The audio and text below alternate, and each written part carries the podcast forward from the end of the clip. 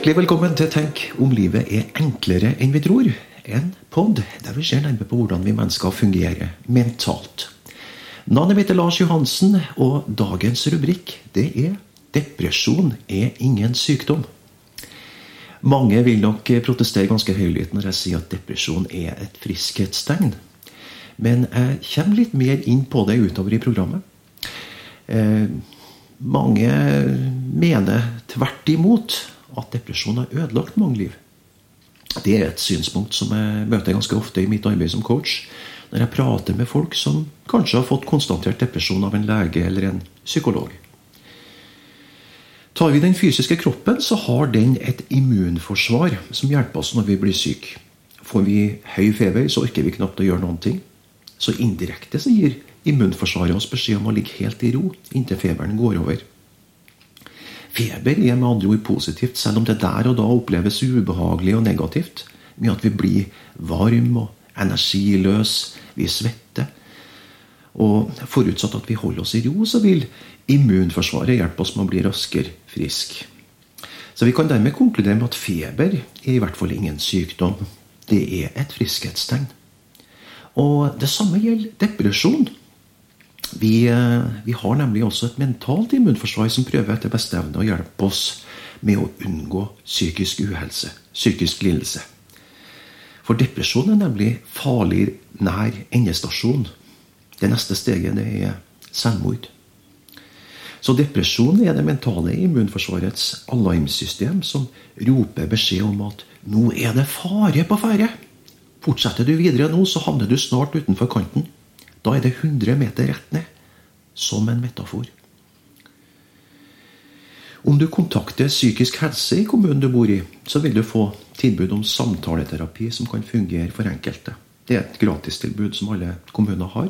Kommuner er også nå pålagt å ha kommunepsykolog, som kan vurdere hvilken behandlingsmetode som passer best dersom du har depresjon.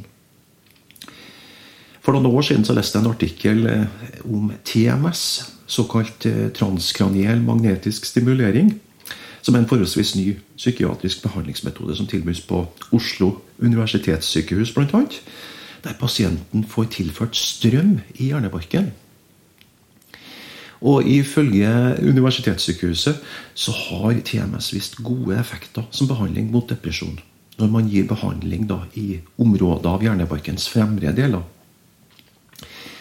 Eh, og stadig mer forskning viser lovende resultater for behandling av forskjellige smertetyper når man gir behandling i området av hjernebarken som aktiverer det motoriske systemet.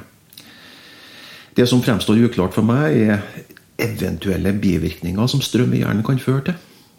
Høres ut som et risikoprosjekt, om du spør meg. Eh, når det gjelder mitt eget liv, så har jeg hatt depresjon i flere faser av livet. Jeg var gjennom en svært tung depresjon når jeg var 15. Og eh, den korte historien er som følger. Jeg hadde vært på fjelltur og gikk med altfor tung sekk. Og hadde på tur opp eh, på fjellet fått en smertefull senebetennelse på innsida av høyre lår. Betennelsen hovna opp og eh, ble stor som en, valnøtt på innsida av høyre lår. Det var forferdelig vondt. Det nesten umulig å, å, både stå og gå på foten. Men jeg skjønte såpass at jeg måtte prøve å karre meg ned fra fjellet for å få hjelp. Og på et eller annet vis eh, med skulle si, et, et tre som, som krykke, så klarte jeg å komme meg ned. Og fikk eh, ringt til min far, som akkurat da var tre mil unna der jeg befant meg. Vi ble enige om at jeg skulle ta noe smertestillende og så bare krype til køys. Og så skulle han komme kjørende og ta meg med til lege neste morgen. Plutselig så våkna jeg av et eh, voldsomt spetakkel. Eh, det var tydeligvis noen som banka hardt på døra nede i første etasjen. Eh, jeg klarte å komme meg opp og, og fikk etter hvert åpna døra. Og på utsida så sto det en vilt fremmed mann. Er du Lars Johansen? spør eh, mannen på utsida av døra. Jeg svarte usikkert. Eh, ja, hvorfor spør du?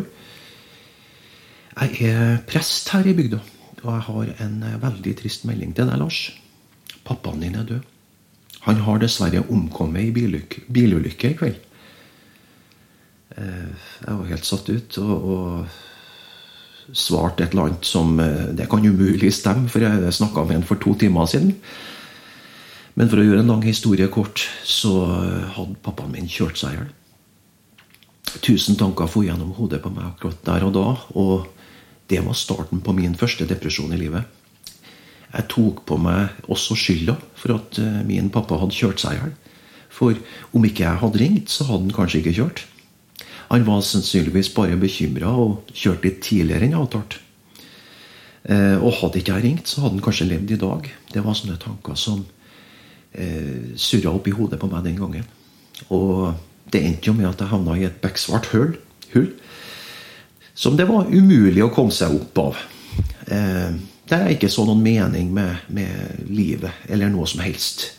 Og det kulminerte med at jeg en kveld tømte et glass med valium som jeg fant i min mors nattbord.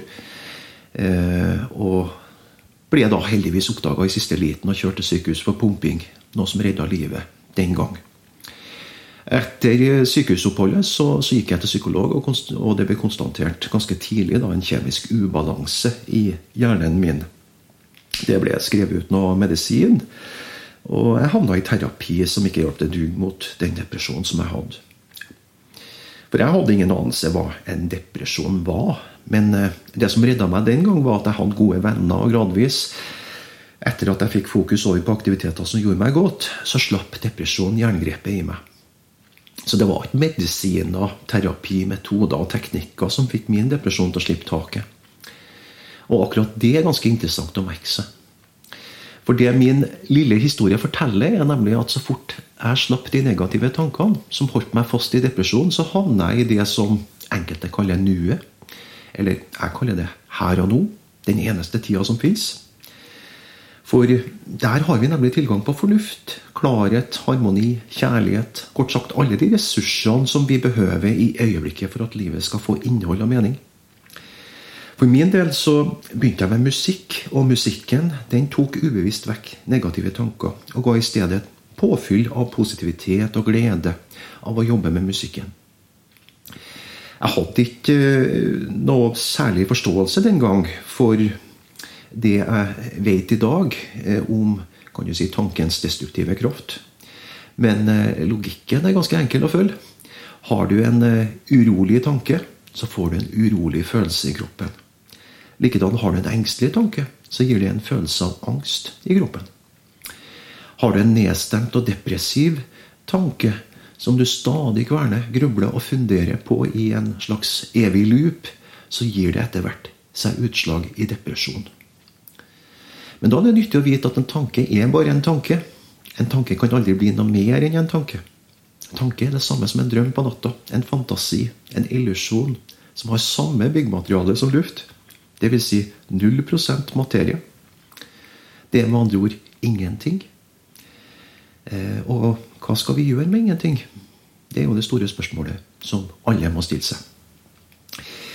Om du ønsker å tilbringe mer, mer, av livet ditt i balanse og velvære, så har jeg et kurs der det går an å fordype seg eh, nærmere innenfor denne nye, spennende psykologiske forståelsen. Eh, og det kan forandre et liv både privat og profesjonelt. Det har det gjort for min del. Det kan være den desidert beste investeringa du gjør noen gang. Og om du ønsker litt mer informasjon nå i første omgang, så kan du sende en mail til lars at larsjohansen.no. Eller gå inn på min hjemmeside larsjohansen på enkleste måte.no. For øvrig så kan jeg opplyse om at det pga. smittevern er et begrensa antall personer som deltar på mine kurs fremover. Det var det vi fikk til i dag. Da takker jeg for meg, og så høres vi snart igjen.